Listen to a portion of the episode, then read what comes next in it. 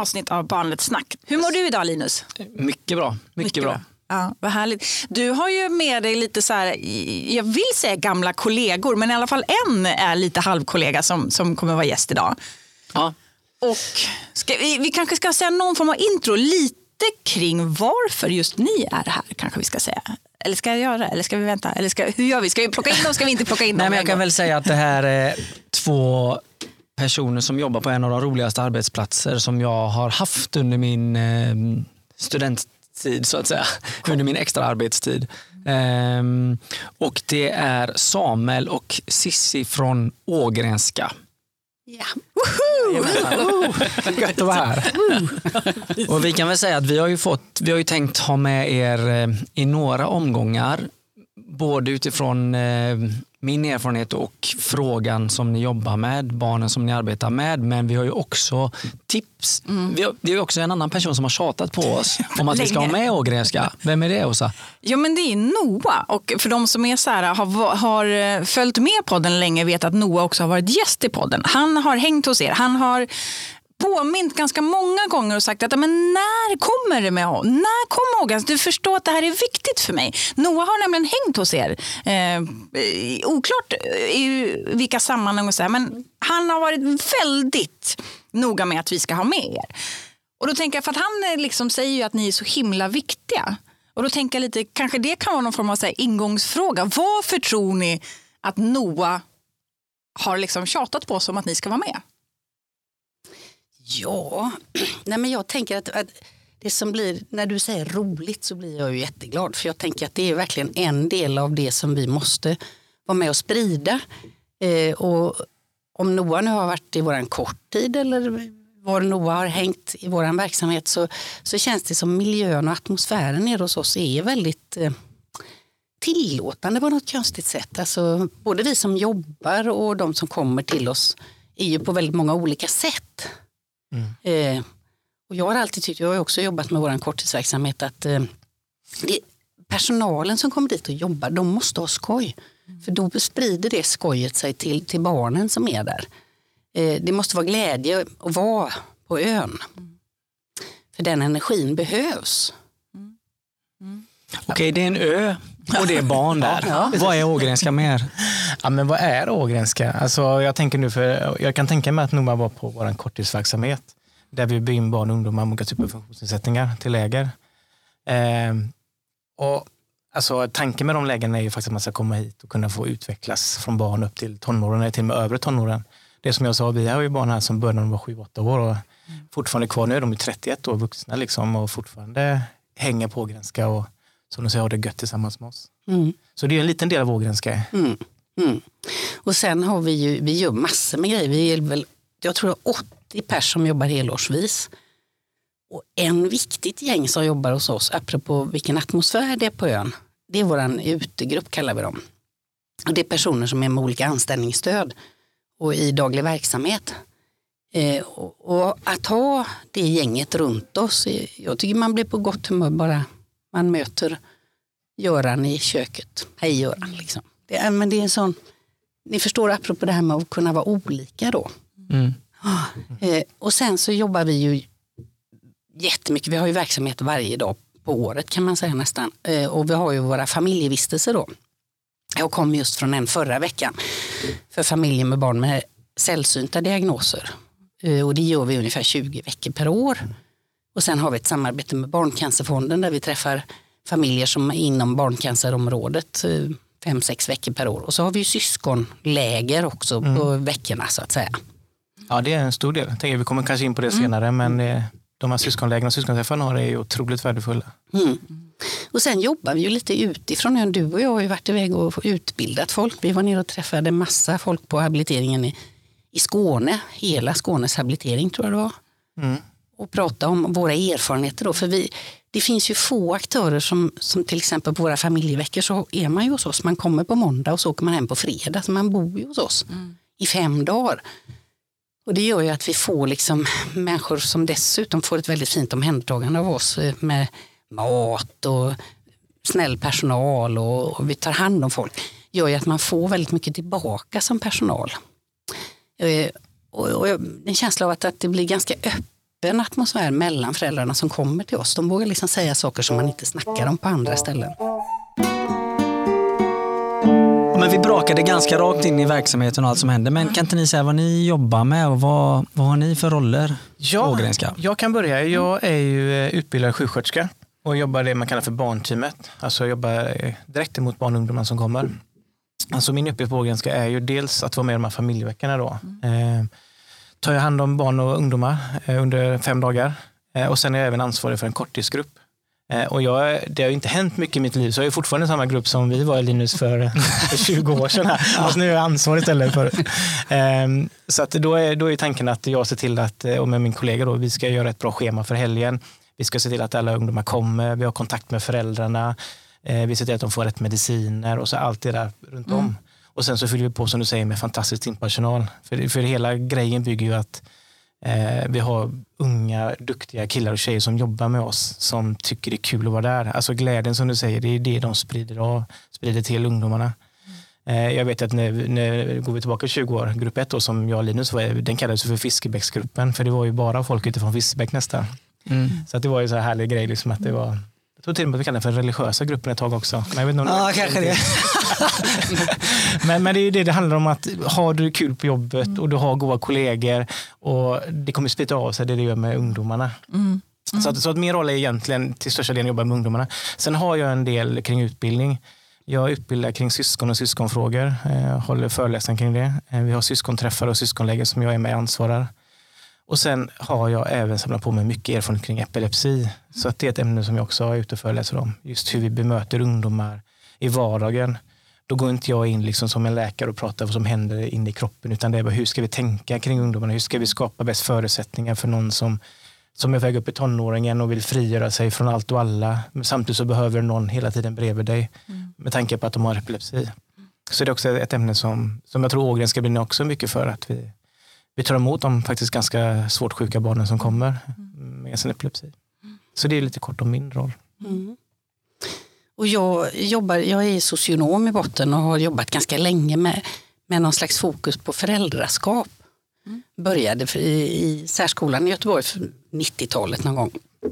Och tyckte liksom att det var något kring föräldraskapet som var svårt att begripa. Så det har varit en sån där spännande fråga i mig länge. Om man får ett barn som inte följer mallen, liksom, vad händer på den resan till att bli förälder? Eh, och det jag gör praktiskt på ön idag är att jag är koordinator så att jag är med och syr ihop de här vistelserna för sällsynta diagnoser. Eh, fixar föreläsningar till föräldrarna och ser till att det blir ett program.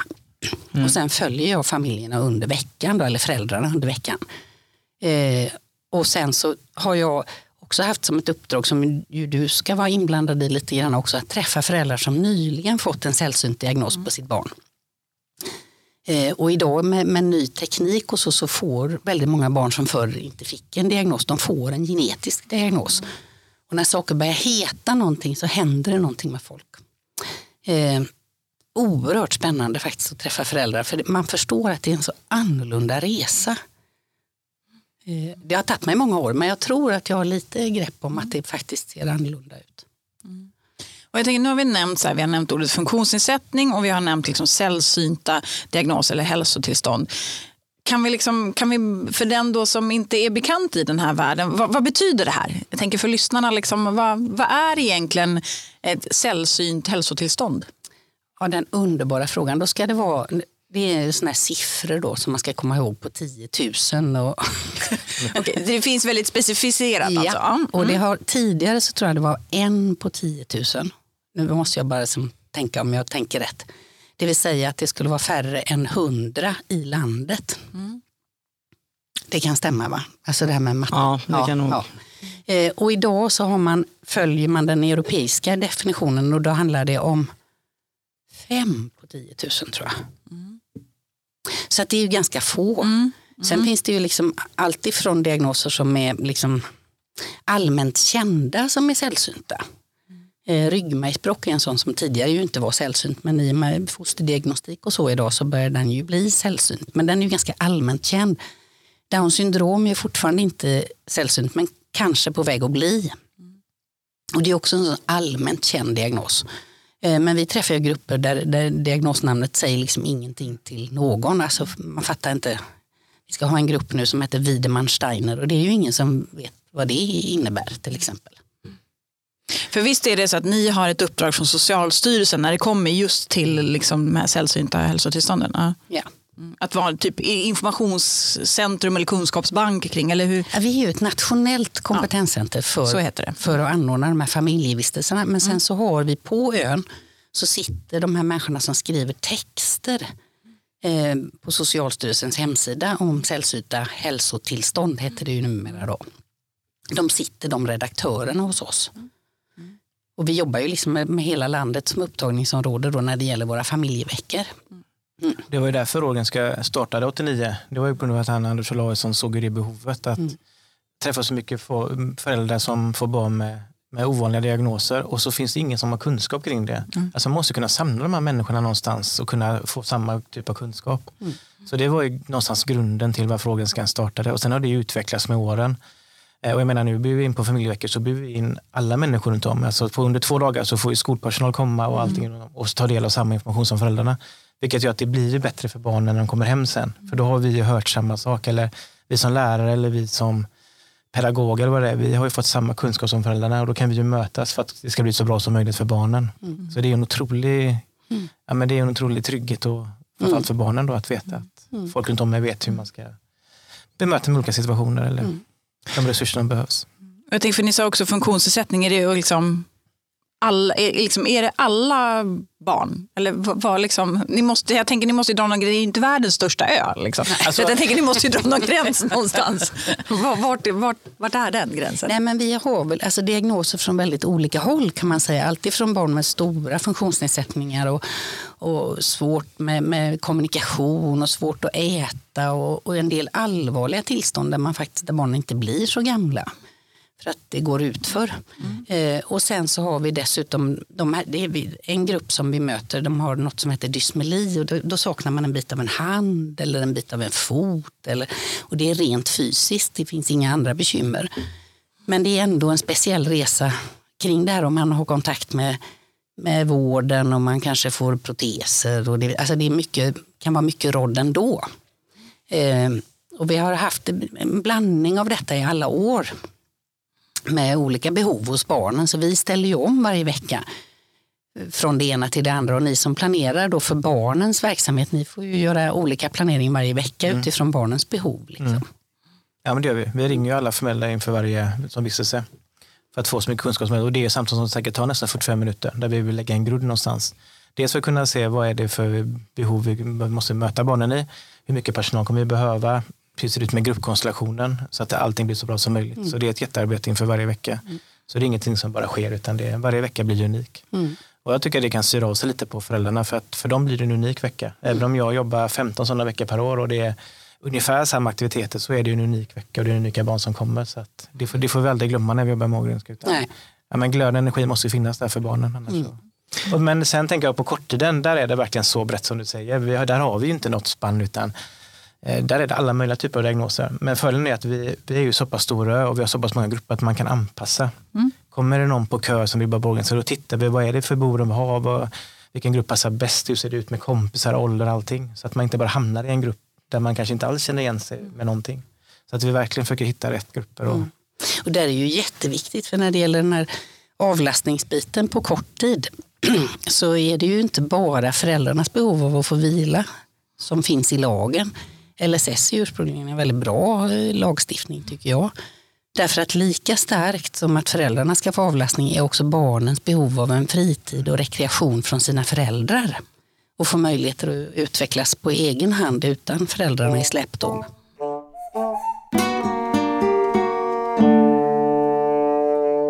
Och ähm, ja, men jättebra brygga in till nästa. För jag tänker att eh, sällsynta diagnoser är som vi säger, man kan diagnostiseras via teknik och det ena med det andra och det finns en massa kunskap och grejer. Men vad innebär det för ett barn att, ha, att få en sällsynt diagnos? Alltså vad, kan man säga några allmänna delar? Samuel, vad är det du möter? Ja, men det är jättebrett. Men vi möter barn med många gånger ganska stora behov. Eh, ganska tuffa diagnoser som Cecilia sa. Det kan vara diagnoser där man faktiskt vi har, vi har en som vi har mycket kort i den där man faktiskt föds eh, och inte har några symptom alls. Och sen när man kommer upp i 8-9 års ålder så börjar det komma. Då börjar man tappa synen exempelvis och sen blir det fler och fler. Och sen blir man i regel inte mer än någonstans mellan kanske 18 till 25 år. Eh, där man hela tiden blir sämre och sämre. Så det är viktigt att vi när vi möter barnen att vi tar vara på varje tid som finns. Liksom att varje del har sin tid.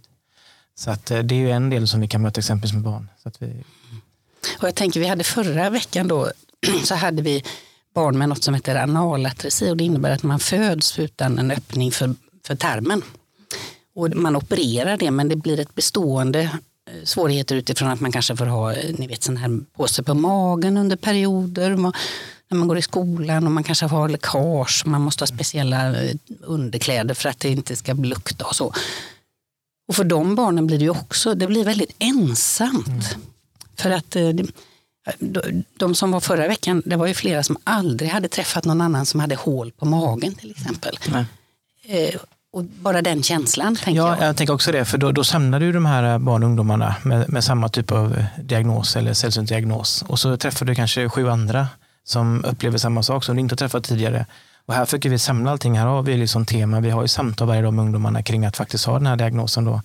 Eh, man får träffa en läkare som berättar, man får ställa sina frågor. Vi gör liksom en scanning på vad är det man kan tycka var svårt. Och sånt. Så, att, så att det blir en unik plats för dem att träffa andra mm. som man kanske inte träffar i sin vardag. Det var en flicka med förra veckan som var jättedeppig. Mm. Men pappan sa det under veckan att hon bara öppnade och öppnade i det här sammanhanget. Hon kom och satt med liksom tröjan över huvudet när vi, när vi träffade henne första gången och sen så åkte den ner och så till slut så såg man hela ansiktet på henne. Så det är klart att det betyder mycket. Mm. Vi, Noah då, han är med i Min stora dags barn och ungdomsråd. Eh, är han. Eh, och de har ju också beskrivit just den här grejen som ni säger, att, att få möta andra i samma situation. Och då var det vid något tillfälle när vi eh, intervjuade dem som de sa att ja, men, när en åker då till exempel på ett läger med Min stora dag eller liksom liknande, då är det ju då är alla vi som är där, det är ju vi som är de normala. Men det är ledarna, det är de andra som är färre. Det är de som inte... Och att bara den att få vända på det, att få någonstans vara precis som alla andra, även fast den fortfarande är sig själv och unik. Men att, att det är väldigt ovanligt och någonting som är väldigt stärkande. Liksom. Mm. Mm. Mm. Det tror jag absolut. Ja, 100 procent av det. Och det ser vi även i vår kort, liksom att man kommer dit så där möter du dina vänner. Det är ju allt sånt roligt som man kan tänkas göra. Där är vi personal, vi är ju någonstans bara runt om för att stötta upp och göra, ge dem bra förutsättningar. Så att det är ju så otroligt värdefullt. Det är ju vad alla tonåringar vill göra, det är ju att hänga med sina kompisar. Och här kan vi skapa de förutsättningarna när man har lite, kanske lite svårigheter. Ja, och det är ju en jättefin och ganska speciell plats Ågräs. Jag tänker att vi får lägga ut lite bilder men det är ju som ni har sagt en ö med strand och båt och alla möjliga grejer där. och suppar och ja. det finns allt och bastu. Och... Ja. och där tänker jag också med eh, Apropå med det här som, som du sa Cissi, att ja, det är klart att det finns bekymmer och utmaningar och, och utmaningar som handlar om, om liv och död på något sätt. Och samtidigt så finns det också en känsla av att, jag sa det till Åsa också innan vi kom in, jag kommer ihåg att man var ung, man gick in där som ledare. Jag minns tydligt hur föräldrar kom inkörande med de stora värnarna för vissa av barnen. Eftersom det är så mycket utrustning, så mycket material som man har. Och samtidigt var man som ledare då, eller personal helt omedveten om de här familjernas liv, utan man bara gick in och kasta dem i havet fast de inte kunde simma i stort sett. Alltså man, vi, gjorde, vi var ute och fiskade ål. Min morfar kastade krabbor in på barnen. Liksom. Det var tokigt men eh, vad är det egentligen som händer då? Utifrån ett rättighetsperspektiv, vad tänker du? Vad är, det, vad är det man saknar för rättigheter på hemmaplan som man får på Ågrenska? Eh, ja, alltså det, vad får man? Alltså, vi, vi, jag tror att för många hemmaplan så blir allting så mycket mer komplicerat. Det blir så svårt att göra allting. Mm. Eh, när det kommer till låggränska så har vi de här möjligheterna. Alltså, jag har pratat med många, framförallt kanske tonåringar med svår epilepsi, eh, som kanske vill åka iväg och bara med kompisarna, inte vara med sina föräldrar. För vilken tonåring vill hänga med sina föräldrar? Mm. Men det går ju inte för att de har ju inte den möjligheten. Det måste alltid vara någon med dem. När de kommer till låggränska så är inte familjen och föräldrarna med Då är det du och dina kompisar och det är någon personal som finns någonstans i periferin som har koll på dig. Men det är ändå det någonstans vi skapar, de här, de här förutsättningarna för att faktiskt kunna göra allting som man faktiskt ska kunna få göra när man är tonåring och växer upp. Mm. Jag tänker också att det är, det är så roligt det du säger, att vi kastar dem i sjön och, och, och tänkte inte så mycket på de här föräldrarna där. Att jag tänker att få vara med om saker som man mm. kanske inte skulle varit om föräldrarna så, såg över axeln på en. För att föräldrar kan vara lite oroliga av, av goda skäl. Sen tror jag inte ni gjorde något som var direkt livsfarligt. Men att faktiskt få vara med om erfarenheter som inte bara är sådär allting är liksom i bomull. Utan det får hända lite grejer. Det får vara lite äventyrligt. Det tror jag är ja, men Det tar jättemycket. Det säger många föräldrar. Kan inte ni göra det här? För det vill inte vi göra. Men som Liseberg, liksom, oh, herregud, ta ni Lisebergsbesöket. Vi vill inte åka Badde. Liksom. Det är ju helt livsfarligt. Nej, men det gör vi. Jag, vi, alltså, vi, vi, vi kollar ju fortfarande tillbaka på tiden när vi, när vi jobbade. Alltså, vi har ju fortfarande barn kvar. Det är ju sjukt, det är 20 år sedan. Eller de är vuxna nu. Men vi pratar fortfarande om den där eh, piraten vi hade. Som jag vet att det var du Linus som faktiskt Eh, det var din idé att vi alla som jobbade skulle klä ut oss på morgonen till pirater. Ja. Och så skulle vi väcka barnen utklädda, så de var ju bara helt livrädda när vi kom in.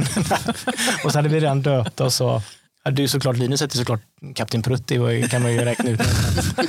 jag hette Kapten Moussaka vet jag. Och så fick barnen klä ut sig och så fick de gå plankan och lära sig ett namn. Och så ja, men var hela dagen det temat. Och så slutade det med att vi personal fick gå plankan då, så att vi hamnade i vattnet. Och du, den dagen, det är liksom 20 år sedan, vi pratar fortfarande om den dagen på Ågrens med de ungdomarna. Kommer du ihåg när vi kastade dig i vattnet Samuel? Kommer ihåg. Mm. Så det är ju det här vi skapar, vi skapar ju minnen, liksom. vi ger liksom förutsättningar för dem att mm. kunna uppleva saker som kanske blir lite, lite svåra att göra hemma som du säger, som att man kanske inte riktigt som familj orkar med alla gånger eller har möjlighet att göra. Precis, men då tänker jag så att det blir både någon slags paus från kanske det som är svårt hemma, liksom att du får vara lite dig själv, att du får liksom jag menar att, ja men du är dig själv och det handlar inte bara om att du har en specifik diagnos eller sjukdom, liksom, utan du får vara den som du är som person. Men jag tänker, men också den här samhörigheten då med andra. Hur mycket är det liksom, för ni, säger, ni rustar ju också lite vuxna runt omkring barnen. Hur liksom, samtalet med barnen i det, liksom, pratar ni om eh, liksom, diagnoserna, liksom, funktionsnedsättningen? Alltså, blir det någon sån kunskapsgrej för dem också? Eller, eller, liksom, eller, eller är det fokus liksom, var dig själv, ha kul, pausa, gemenskap? Eller? Nej, men på familjeveckorna är det ju ändå så att eh, om barnen har möjlighet att ta emot eh, och förstå information så kommer den läkaren som föreläser för, för föräldrarna gå ner och snacka med barnen mm. och deras syskon. Mm. Det är också en viktig grupp. Och, och, min känsla är ju att, att man tror att föräldrarna tror att de har liksom informerat barnen och att framförallt syskon är väldigt medvetna om vad, vad, är, vad är det som händer och så kan det vara liksom en hel del dramatik ibland om man har epilepsi. Tänker man kan ha åkt ambulans och, och så ska man hinna liksom ta hand om en massa andra barn som ska förstå vad som händer där. Att man faktiskt som förälder inte alltid hinner eller inte, inte mäktar med liksom alla som ska hållas på banan i det. Så det här med att få information är nog jätteviktigt. Och jag, jag, vet inte, en del doktorer tar ju in syskon själv när man, när, om man är på besök på habiliteringen. Och så, men jag tror inte det är som regel att de gör det. Så framförallt vad det gäller syskon som ju hamnar lite vid sidan av, det vet ju du mycket om mm. Samuel, så är ju det en, det är en viktig rättighetsaspekt också. Mm. För det finns ju också många syskon som tror att de själva på något sätt har varit en del eller orsakat eller någonting i det här. Så att det, det känns ju oerhört viktigt. Och barnen med diagnos behöver ju också liksom rustas. Har du en diagnos där du lever ett helt självständigt liv som vuxen så är det ändå så att du ska, när du fyller 18, då tar det här liksom sammanhållna sjukvården slut. Då ska du hålla, hålla koll på om du nu har en doktor för hormonerna och en doktor för hjärtat och en doktor för B. Alltså du får hålla reda på det själv via din vårdcentral. Och där finns ju ännu mindre kunskap. Så det är ju jätteviktigt. Mm. Och det jag tänker också klart är att en, om vi tar kortare då, som du säger, där man faktiskt blir lite paus, man kommer och gör saker.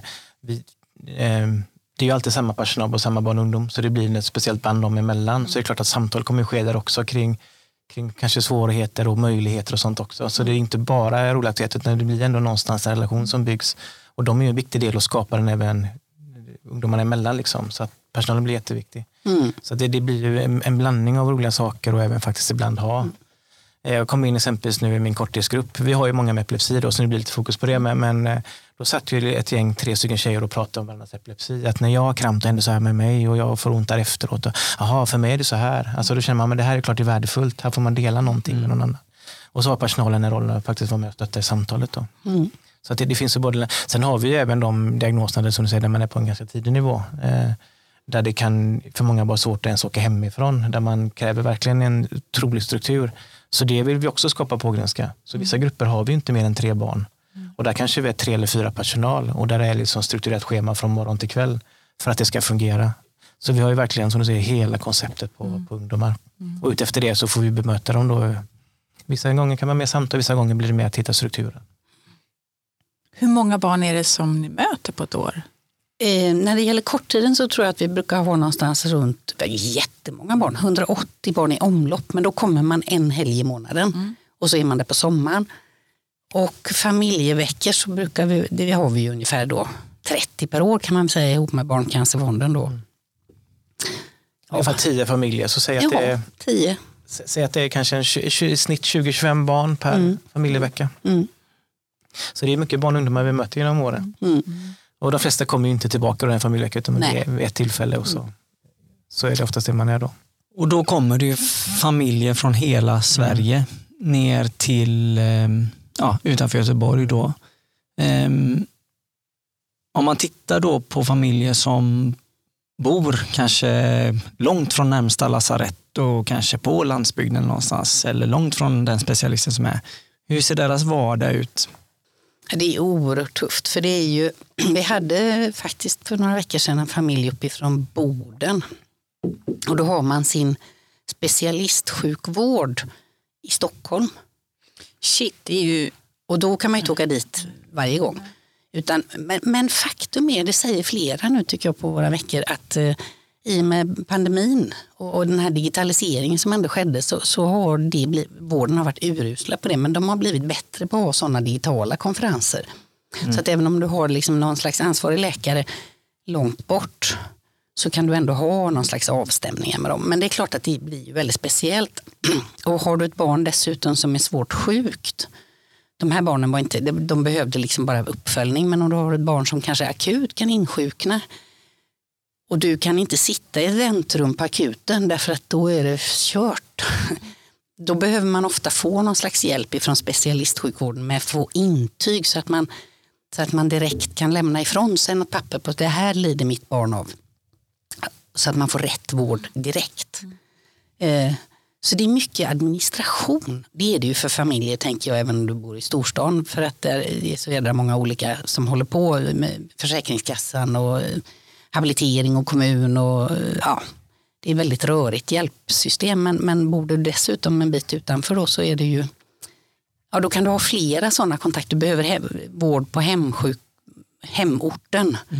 Men du, för att få rätt vård där så behöver du ändå ha kopplat in någon annan någon annanstans. Och då är det ju jättespännande med alla de här journalsystemen som finns. Det är ju skitkul. För då beställer man ett prov till exempel, gjorde de en familj berättade om i Uppsala som hade huvudansvaret. Och så hade de en diagnoskod på det provet som skulle tas på hemsjukhuset i Västerås. Och då var det en annan kod i Västerås och de tog fel prov. Så det, det är ju ett system som inte är gjort för, alltså det är så fruktansvärt mycket extra jobb. Men det tänker jag, för det är ju någonting som ofta lyfts. Till exempel, det finns en sån himla tydlig bild tycker jag. Barnombudsmannen skrev en rapport för ett antal år sedan som heter Respekt. Som, är, som de skriver en årsrapport liksom en gång om året. Som handlade just om barn med funktionsnedsättning. Och då är det en bild där man ser då ett barn och sen så är det som en labyrint då, utifrån alla de här olika aktörerna som barnet eller barnets familj behöver ha kontakt med för att kunna liksom få det stödet som barnet behöver. Och det är ju liksom tänker, det är ju ingen som kan ha tänkt oh, det här är nog det bästa för barn. Vi gör det så här. Vi placerar ut det här på de här 50 olika ställena. Liksom. Jag tänker, vad, ni då som får se hur det här praktiskt påverkar barnen. I, eller det är kanske mest vuxna som det är som får ta det. Men liksom, påverkar ni, påtalar ni det här till folk? att hallå, kan vi, kan vi göra något åt det här? Detta har diskuterats sedan jag började på 90-talet och jag är lite modstulen på det. Jag skulle ju verkligen önska att det var en dörr att öppna till alla saker man behöver. Eh, men det känns inte som man jobbar på det sättet riktigt. Och jag vet inte riktigt hur man ska komma dit heller. Eh, för jag tror det är inte effektivt ur ett vårdperspektiv heller. Jag tror att det kostar mer än vad det smakar att ha de här stuprören som finns idag. Och, och, och svårigheterna att orientera sig. Föräldrar får ju ibland hjälp. Man har haft lite olika projekt med, med såna här koordinatorer. Mm. Men då är det ju ytterligare en människa liksom utanför vården som ska in och liksom rodda med vården. Det känns som att det blir liksom plåster på plåster istället för att göra det effektivt. Då. Jag vet ju att vården har ambitioner att effektivisera. Man har startat upp lite verksamheter som heter Centrum för sällsynta diagnoser just kring den här sällsynta delen på alla universitetssjukhus för att öka kunskapen i vården och för att hjälpa patienter och lotsa dem rätt i vården och så vidare. Eh, men det går, lite olika fort fram i olika delar av landet. Mm. Och vi, eh, vi har börjat med det att inom barn och ungdomsmedicin en kort tid, eller många om i alla fall, så är vi med på de här man kallar för SIP-möten. Mm. Och då förstår man ju verkligen hur tufft det måste vara för förälder när man ska ha ett möte kring sitt barn och så sitter det så mycket olika människor. Så tänker man, herregud, hur ska ni hinna med allting? Liksom, det är liksom helt orimligt mycket folk som ska vara med och ta beslut om ens barn och vem gör vad och helt plötsligt blir diskussioner om vem ska göra vad och så är det ingen som tar på sig det. Så man fattar att det här måste ju vara en sån tuff bit för föräldrarna som självklart är i loppet då påverkar barn och ungdomar såklart. För det är ju de som blir lidande i slutändan. Mm. När, inte, mm. där ingen kan ta ett beslut någonstans. Men då hamnar det så långt bort från barnen, ja. liksom när det är allt det här. Liksom. Mm. Men jag tänker så här, er koppling så till barnkonventionen, hur ofta pratar ni om den? Eller liksom... Vi hade faktiskt en konferens för, nu är det, kommer jag inte ihåg om det är två år sedan, om barns, barnkonventionen mm. för att lyfta den frågan. När vi tittar på planering för våra verksamheter så finns det ju med som en tanke. Eh, jag vet ju inte exakt när det gäller korttiden och barnens program på familjeveckan men vi jobbar ju inte bara med att ha barnpassning på ön så att säga utan det finns eh, kring alla barn som kommer till oss så finns det någon slags högre syfte eller vad man ska säga. Så på familjeveckorna så har man någon slags pedagogiska idéer som handlar väldigt mycket om delaktighet. Det är liksom den, den stora biten som vi försöker så att man anpassar aktiviteter så barnen ska kunna vara delaktiga. Eh, och korttiden har ju sina genomförandeplaner. Ja, precis, vi har genomförande. När man kommer till så ska varje barn ha en genomförandeplan som är anpassad efter varje person då, som ska göra att man faktiskt utvecklas. Så att det är inte bara komma till lågrenska och så, som du säger, det blir barnpassning med olika saker, utan det är ändå en tanke med vår verksamhet, att man ska kunna på lång sikt kunna utvecklas. Att vi kan hitta bitar som man behöver stärka sig i. Så jag kan tänka på det sättet så, så absolut så jobbar vi mot det. Mm. Eh, och sen är ju LSS ett beslut som faktiskt barnen ska få för att de, det är ju deras rättighet att kunna få, få utvecklas med andra kompisar. Problemet är bara att LSS blir, har blivit, eller inte de, men det, kommunerna många gånger har blivit svåra att plocka hem sina egna barn. Så har man varit pågränsad i många år så kommer man på att det kanske är lite billigare att ta hem dem eller det finns någonting här och så plockar man bort den tryggheten som man kanske har byggt upp under flera år. Så ibland kan det slå tillbaka på fel sätt eh, för ungdomarna att det, de blir bortplockade från saker de mm. faktiskt har haft väldigt god nytta av under många, många år. Mm.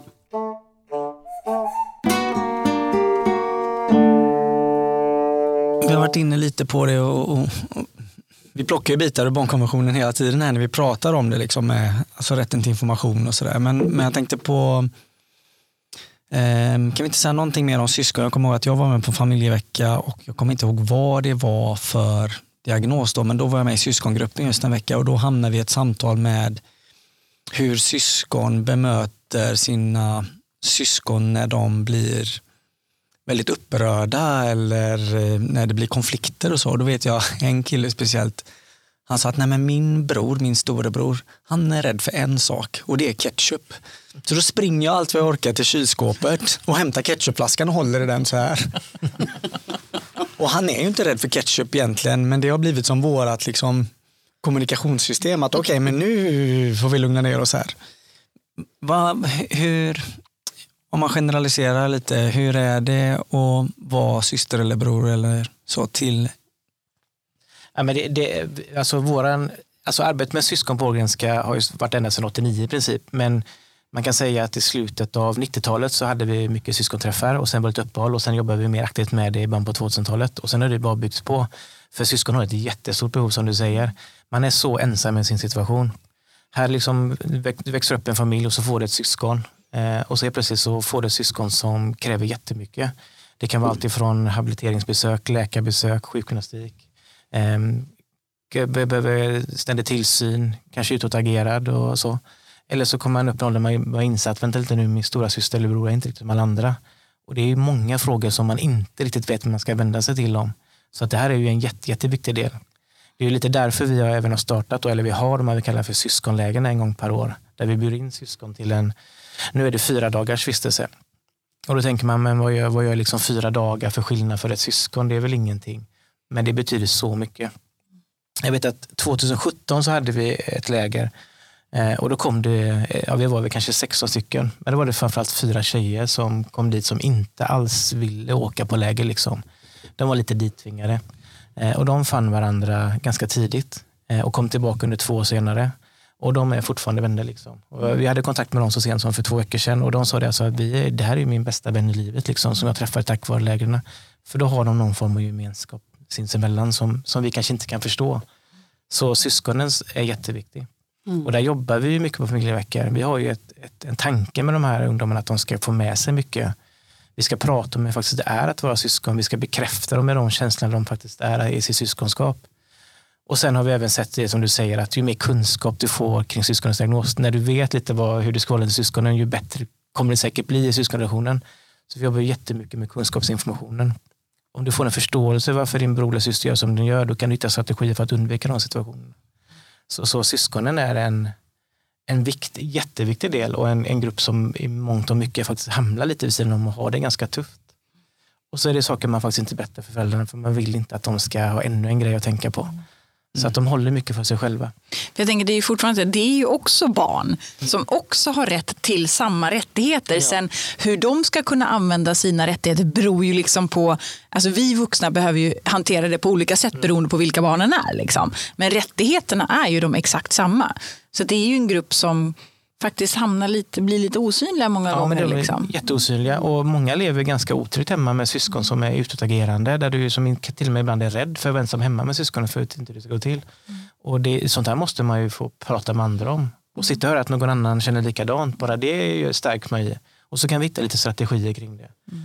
Eh, och sen har vi alltid lite kontakt med föräldrar och sånt också. Vi vet ju aldrig vad syskonen säger men att vi kan då liksom någonstans hinta lite på föreläsning vad den här typen av diagnos behöver för stöttning hemma för syskonen för att kunna hjälpa föräldrarna i, i syskonrollen. För jag tror att alla föräldrar vet om att syskonen har det tufft och jobbigt mm. men man har inte riktigt orkat ta tag i det. Så när vi föreläser om det så blir det lite en, just det, det är det här ja. Och så kan man börja jobba lite kring det. Jag kan tänka att många föräldrar har grymt dåligt samvete. Mm. Men man får liksom inte till det.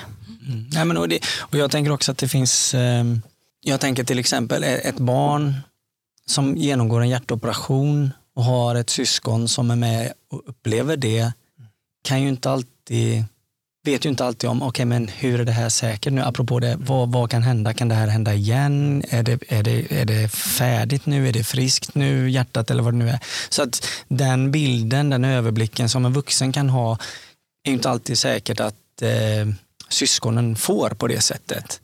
För man som vuxen också är, eller som förälder är man ju upptagen med barnet som är i vårdbehov mm. väldigt hårt. Ja, verkligen. Mm, absolut. Jag tänker också att det här dåliga samvetet kan också lägga en del i vägen för att faktiskt kommunicera det med sina barn. Mm. För att man vill inte liksom belasta barnen heller. Med att säga, för, för ofta så ser ju barnen att föräldrarna är oroliga. Mm, mm. Och så tänker man att om jag inte visar det så, så skyddar jag mina barn. Mm. Eh, så, så det är också en grej. Att, att det blir liksom, och då blir det ju ännu svårare som, som syskon då att visa sin egen oro. Mm. Eftersom det är, o, det är o, vi snackar inte om det. Mm. Vad kan ni se för liksom strategier som, som till exempel syskon då kan ta i sådana situationer? Hur, hur, tänkte du då? Nej, men jag tänker så här, det kan jag, som sagt att om jag ser att min vuxen eller min förälder är orolig jag har ett matteprov eller jag klarade inte matteprovet eller jag blir mobbad i skolan. Alltså, att, vad, vad har, alltså, strategin, är det som du säger, för det är en grupp som kanske blir ganska ensam. Mm. Är det liksom Ja, eller, eller jag vet inte vad jag vill... Men hur, vad ser ni liksom att barnen försöker göra i de situationerna? Liksom? Är det att du blir liksom väldigt ensam och att det kräver att det kommer andra som ser det? det... Ja, jag, jag tror att må många syskon blir ensamma i sina känslor. Man håller för sig själva. Många vill tvärtom visa sig duktiga. De ska ha koll på allting. De ska kunna allting. De tar över lite föräldraansvaret. Eh, det var en som berättade också just det där med, han hade superkoll på sitt syskons eh, medicin och allting, vad som ska göras. Så den hade koll på klockslag och allting. Mm. Så att man tar över lite föräldrarollen fast man kanske inte berättar det för dem. Man har ändå liksom superkoll. Sen blir man ju skitförbannad när föräldrarna ber en göra saker. Mm. Men, men någonstans vill man ändå ha den här grundkollen. Mm. Så jag tror att många syskon blir lite extra duktiga. Mm. Och sen har du självklart de som är tvärtom som bara blir kanske ännu mer stökiga och bråkiga. Men ändå majoriteten vill ändå visa någonstans att man klarar sig själv och tar mycket mer ansvar. Mm. Så jag tror att det är en, en, en, ganska stor strategi för många syskon. Mm. Vi hade en grupp med vuxna syskon för några år sedan som jag var med och träffade. Och det, var, det var nog bara tjejer i den gruppen. Och de var så, det var så, livet var lite tungt. Alltså de var väldigt ansvarstagande och var duktiga och pluggade och, och jobbade och skötte sig. Men man, man fick inte spralla loss för mycket. Men det var, liksom, det var någon slags tyngd över axlarna på dem tyckte mm. vi när vi träffade dem. Ja, men det. Och sen kan jag, jag tänker just på den veckan, vi har ju träffat många eh, syskon då, som, även unga vuxna då, där man som syskonpar, man kanske har en lilla syster som har fått en diagnos och så har två äldre syskon som väljer två helt olika vägar. En som vill vara den som är kvar och stötta upp föräldrarna, att nu är jag tar över. Den andra bara, men jag måste lämna. Man åker upp till Umeå och så pluggar man i tre år för att jag behöver friheten. Men sen så kommer man oftast tillbaka och så hittar man någonting. Och det, det säger vi syskon, det finns ju inget rätt och fel. Man måste göra det som är rätt för en själv. Mm. För man har ändå sin egen utveckling att tänka på också. Och vi försöker stärka föräldrarna i att man faktiskt berättar det för syskonet. Det är jättebra om du lär dig mycket kring syskonet, men det är inte ditt ansvar. Liksom. Det är vi som är huvudansvaret, men det är klart att vill du lära dig mycket så är det klart att det är för egen vinning, men du bör aldrig känna att det är du som ska ta ansvar. Men jag, ibland kan kommunikationen mellan föräldrar och barn inte alltid funka Nej. så bra där med syskon. Mm. Sen så är det också så att ni möter familjer från alla möjliga platser i livet. Alltså de här diagnoserna träffar ju över familjer med jätteolika levnadsstandard och föräldrar som eh, har eh, olika utbildningsnivåer och bakgrund och inkomster och allt sånt. Ehm, och det i sin tur påverkar ju barnets olika möjligheter och rättigheter. Ehm, hur, hur, ska man tänka, hur, hur, hur bemöter ni de delarna? Det måste ju komma föräldrar som är jättepålästa, kan allt, sköter allt och så vidare. och så vidare Kan hantera den här labyrinten som Åsa pratade om. Och så föräldrar som också inte orkar eller kan eller har andra utmaningar med språket eller vad det nu är. Mm. Hur, är hur är det?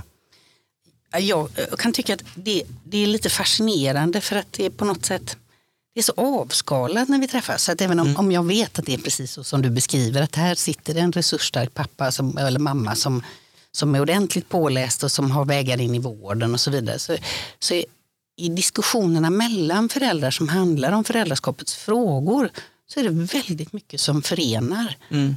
Eh, och sen finns det klart alltid någon slags känsla av att en del är väldigt, de blir lite Bror Duktig och, och klarar av den här situationen. Och så precis som du sa så sitter det någon familj där som inte har språket och som inte har ingångarna i det svenska systemet. Eh, och, och, det händer inte jätteofta men det händer att vi hjälper folk vidare efter de har varit hos oss.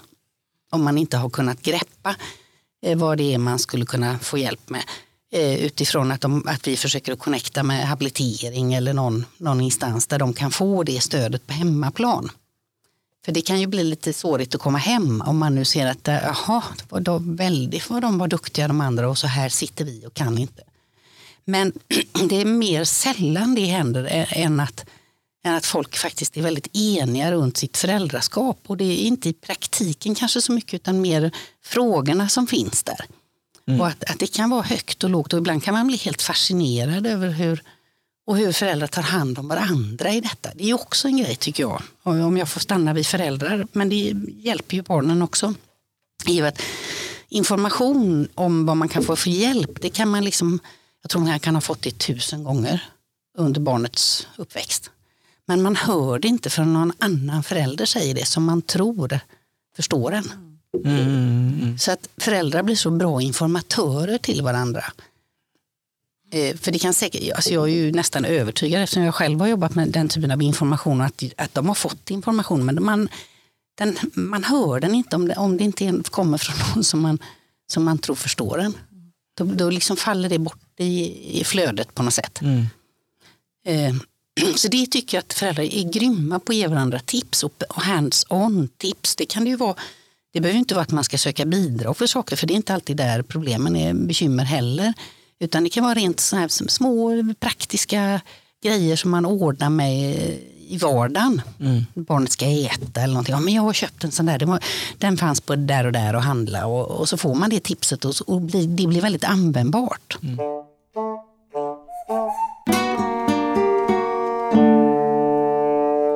Finns det så barn som borde komma till er men som inte gör det? Och i sådana fall, vilka är de barnen?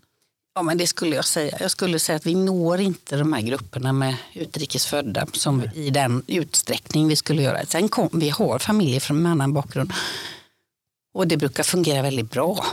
Eh, sen hade vi en, en väldigt speciell vecka för ett tag sedan med en, en eh, sjukdom som bara finns i malariaområden. För där har den varit eh, evolutionärt bra, alltså inte själva sjukdomen men anlaget för sjukdomen. Och det var då bara familjer med etniskt ursprung från Afrika och de finns i, också i Asien och lite i Mellanöstern.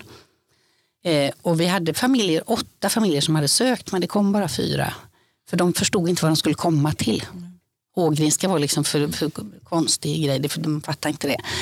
Eh, plus att och det var hemskt obehagligt. Men det var flera av de familjerna. Barnen blev ju, så fort de fick minsta lilla feber så fick de väldigt verk. Så föräldrarna var tvungna att vara hemma. De fick smärtor som, var, som är olidliga. Och, och nästan av de fyra familjerna som kom så sa samtliga att vi har varit utsatta för strukturell rasism. Mm. Så, så det, och det blir ju jättesvårt. Mm. Och förklara då, åka till Ågrenska, vad är det för något? Liksom? Och, även om det inte kostar något så skulle de betala sina resor. Och de först, ja, det var jättesvårt. Så, så den gruppen behöver vi ju göra något ytterligare för att, att attrahera. Då. Så det finns fler barn som borde få hänga hos er men som av olika skäl inte liksom kommer till er? Mm. Att det finns liksom hinder i... Mm. Ja. Mm. Sen tror jag även ett annat hinder som vi ser eh, som har nog blivit mer och mer det är ju att det är alltid så mycket med beslut och det är alltid någon som ska betala och kostnad såklart och allting. Eh, och så har man någonting som fungerar bra. Ehm, så tar man ner plötsligt studenten då och så flyttar du hemifrån. Och då likställer man att flytta hemifrån, då försvinner korttidsverksamheten för då har du ändå det där. Men det man inte riktigt missar då det är det här med kompisskapet, mm. liksom, att här är det ändå stället du kommer för att träffa kompisar. Eller om du skaffar personlig assistans, men då har du ju det behovet. Jo, men det är fortfarande vännerna och det som man, man vill ha kvar. Och det har ju vi sett mer och mer att man inte får, liksom, man får inte båda utan då, då sätter man stopp för någonting och då, då missar man en viktig, som jag i alla fall tycker är viktig, då missar man kanske den viktigaste biten att du har ett ställe där du faktiskt får möjlighet att träffa dina vänner på ett sätt som man kanske inte gör annars. Att det är lätt att man blir hemmasittande då med sina assistenter, att man inte gör mm. saker. Mm. Eh, så det är mycket, mycket mindre beslut nu och kortare eller färre dygn mot vad tidigare kan jag, kan jag i alla fall uppleva. Mm. Ja, jag tycker det är jätteintressant den här balansgången mellan att peka ut och identifiera de specifika behoven man har utifrån ett hälsotillstånd eller livet eller vad det nu är och möta de här experterna och samtidigt få vara avidentifierad av sin diagnos för man träffar så många andra och livet är helt normalt och man gör typiska saker. Att leva i den balansgången. Mm. Och det är på något sätt den balansgången eller det tillståndet som, som jag hade önskat fanns överlag i livet för barn med funktionsnedsättningar. Men den blir väldigt tydlig på Ågrenska. Är det någonting ni har reflekterat över det här? Liksom att vara jättetydlig med de rättigheter man har och samtidigt ska man inte eh, peka på dem så mycket, för det är ju det ni gör. Förstår ni vad jag menar? Ja, men jag, förstår du? Ja, jag förstår lite. Ja, men då, då, varsågod Samuel, jag tänker. Nej, ja, jag, Nej, men jag förstår menar. För, för oss blir det så naturligt att barnen som kommer till oss, det är ju som vilka barn som helst. Mm. Alltså, det är ju, det är ju mina, alltså, jag har haft min grupp i 20 år, så det, är ju, det känns som mina extra barn. Liksom. Det, är ju, det är ju lite familjen som kommer, känns det som. Och, eh, för oss är det de som är normala. Vi är ju bara de runt om som skapar rätt förutsättningar bara. Så vi, vi, ju, vi ser inte dem som något annorlunda, eller vi gör inte andra saker. Vi bara ser till att ge dem bra förutsättningar för att allting ska fungera. Vi åker på Liseberg, vi åker och badar, vi gör det. Liksom. Men vi ser ju till att säkra upp allting. Att, att, att det är runt om, de inte, behöver inte tänka på det runt om. Liksom. Förstår du vad jag menar? Mm, mm, kanske mm. helt fel på svar på frågan men Nej, och hur skulle man kunna lyfta ut det till deras vardagssituation? Precis, för det är Alltså, lite, plocka med du- sig lite mm, det. Vad skulle liksom. du, om du fick åka med den här familjen hem då, eller det här barnet hem och, och möta de här eh, pedagogerna och fritidspersonal och föreningsfolk i bygden eller vad det nu är som möter det här barnet. Vad skulle du ge dem för tips och tankar då? Alltså ja, eh, för många barn alltså en, en, en, en, tydlig struktur. Ehm, se till att man har, alltså för många vill ju inte ha sina föräldrar runt om sig heller. saker. Att det ska kunna, alltså, runt om att det finns folk som faktiskt kan vara med och stötta upp vid sidan om som inte är familj. Eh, som är lite vid sidan om, runt om. Men det handlar också om beslut fortfarande. Det är fortfarande kostnadsfrågorna. Att har man den biten så kommer det underlätta nog ganska mycket för många ungdomar. Eh, För annars läggs mycket på familjen och föräldrarna och då kanske man inte gör allting eller man kanske som barn inte vill göra allting heller. Jag vet inte om det var så på frågan heller, jag bara pratar men eh, Men jag tänker så här, en fotbollstränare. Vad ska en fotbollstränare tänka på för att, liksom, för att fler barn ska kunna delta? Ja, men liksom. absolut. Eh, ja, men en, en lyhördhet såklart. Eh, man får anpassa, man får se barnen se, man får, man får ha en ganska grundstruktur så att alla kan, faktiskt kan delta. Man får ha kunskap kring ungdomarna som kommer. Det är lite det som det är för alla, alltså det där med breddidrott. Jag menar, jag är fotbollstränare för, för ett gäng PT då utan eh, någon diagnos. Och det är samma sak där. Där har du ju de som älskar fotboll som skulle kunna spela fotboll 24 timmar på dygnet och de som hellre sitter ner och gräver i sandlådan i princip. Kanske inte riktigt samma längre men att det är roligare andra saker. Alltså att hitta någonstans, vad kan vi förenas i liksom? Att ha en, ha en grundkunskap till de barnen som faktiskt är här. Så tror jag att man kan skapa bra förutsättningar. Och sen som ledare att man har en förståelse. Eh, jag vet att vi har en av våra kollegor, Andreas, som är ute och pratar mycket med ledare just kring barn med MPF och sånt. Som är en, en tuff bit inom idrotten. Där faktiskt idrott för många handlar om att prestera och så får du kanske en tackling eller någonting händer och så blir det helt fel och så blir de utagerande och då blir du avstängd för då får du inte vara med längre. Så att det är alltså en kunskap, en diagnos som man ska möta och man ska kunna minimera när det faktiskt blir, när det blir svårigheter eller blir fel. Mm. Så där tror jag att man behöver eh, lära sig mer kring. Ja, jag blir så himla, för jag tänker bara på, tänk, tänk att gå in och säga det, vi har en i vårt lag nu som kommer svära som katten och, och typ få ryck kanske. Men eh, kan ni bara acceptera det för den här personen eh, har en NPF-diagnos? Är det okej?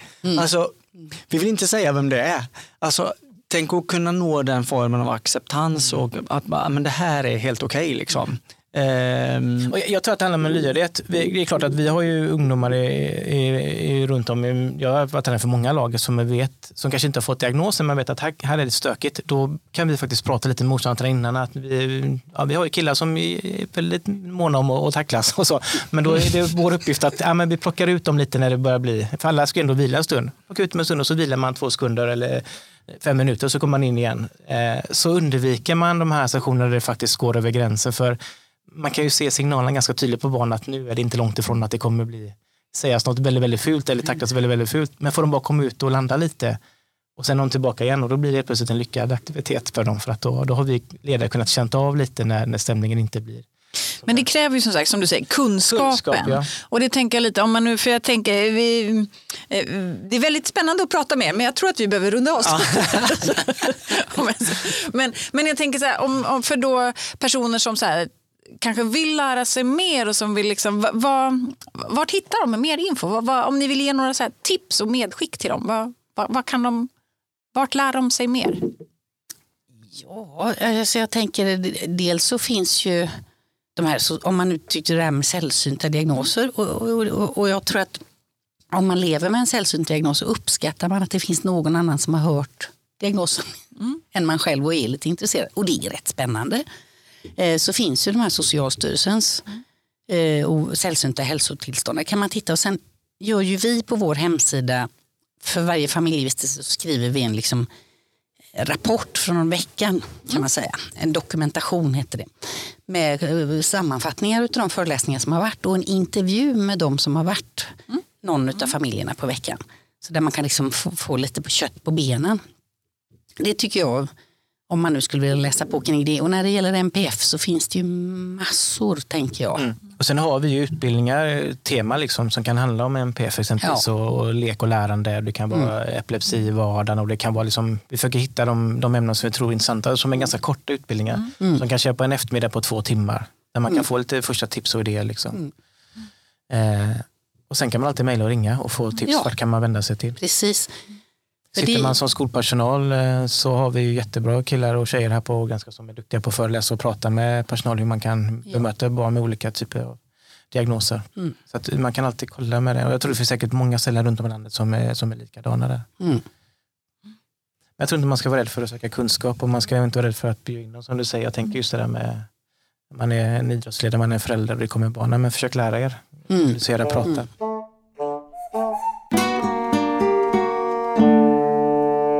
Ja, som sagt, det finns ju hur många vinklar och vrår eh, som helst att prata om det. Och jag tycker också att det finns delar i det som vi inte har pratat om nu, men det här med att vissa diagnoser börjar bli än mer sällsynta och vad innebär det? Och hur, in, hur, hur, hur jobbar vi med ett samhälle där vi säger att alla barn är lika mycket värda och samtidigt så så är det att vi inte ser den kunskapen eller den attityden eller möjligheten eller det här som du pratade om eh, Samuel, att antal dagar som man får stöd i en livsviktig verksamhet där man träffar eh, syskon eller andra barn som är de enda som faktiskt förstår ens livssituation är ju liksom oerhört allvarliga frågor. Så. Ehm, och, och, och jag tänker också för, för min egen del så är det ju så himla intressant att jag vet när en av våra barn föddes som har Downs syndrom så var det ju också, det, en av de första tankarna var ju på alla de barnen jag hade träffat på Ågrenska och jobbat med. Liksom. Eh, så att det här att på något sätt inte, att inte vara rädd och att köra på. Det, det tänker jag är så himla viktigt och det gör ju ni väl, verkligen så. Jag tror också, ska man kunna möta alla barn som du säger, nu går in på syskon igen. Vi hade ju en utbildning med en habilitering någonstans långt upp i norr och som vill ha tips på syskonläger. Så sa vi det, ja, men det bästa är verkligen att köra, ska ni ha syskonträffar så är det kvällstid. Mm. Ja, men vi får inte jobba kvällar. Ja, men då har jag liksom, hur, hur tänker du ska få hit syskonen då? Ja, men på loven. Men det är klart, det är, liksom, det är väldigt få tillfällen. Ni måste kunna se lite utanför boxen. När är det syskonen man kan möta dem? Liksom, och, Vem är vi till för? Vad är vi till för? Ja. Men sen tänker jag på en sak, bara kort apropå det du sa, det här med alla de ungarna man har jobbat med. Alltså gud vad mycket fattigare världen hade varit utan dessa människor. Mm. För det är, inte glömma det. Våra, vårat utegäng som faktiskt ger, och på riktigt, det är liksom inte något som jag säger för att låta snäll. Mm. Utan de ger mig kvalitet när jag kommer till jobbet i, i mitt liv. Och många av de barnen jag har jobbat med, för jag har också varit i korten, är ju liksom, de ligger så varmt om hjärtat. Det är sorgligt, de måste få finnas. Mm. Nej men så då så eh, tänker jag Samuel och Cissi tack för att ni kom hit och eh, jobbar du med någonting som eh, där du möter barn eller är du engagerad på något sätt så ta kontakt med Ågrenska och, och anordna ett studiebesök med ditt arbetslag för att få en ny inspiration och nya idéer för att man får det bara genom att vara där och se de olika husen och på olika sätt så. Och är du 20 plus eh, här nu och tänker att jag behöver ju härliga sommarjobb framöver och kanske min bästa tid i livet så, så, så sök sommarjobb på Ja. ungdomarna. För det är så lärorikt. Gör det. Vi bara ser vilken fin pojke han blev av Linus. Precis. Ja, nej, men verkligen eh, gör det. Och det finns ju korttidsboende över hela landet Absolut. och eh, olika slags eh, varianter på läger. Så vart du än bor, även om du inte bor i kanske på västkusten så finns det ju eh, verkligen. Okej, men då avrundar vi. Ja, stort tack för att ni kom hit och delade med er av er tid och engagemang och kunskap. Tack så mycket. Tack. Tack. Och vi hörs och ses nästa vecka. Det gör vi. Hej! Hej.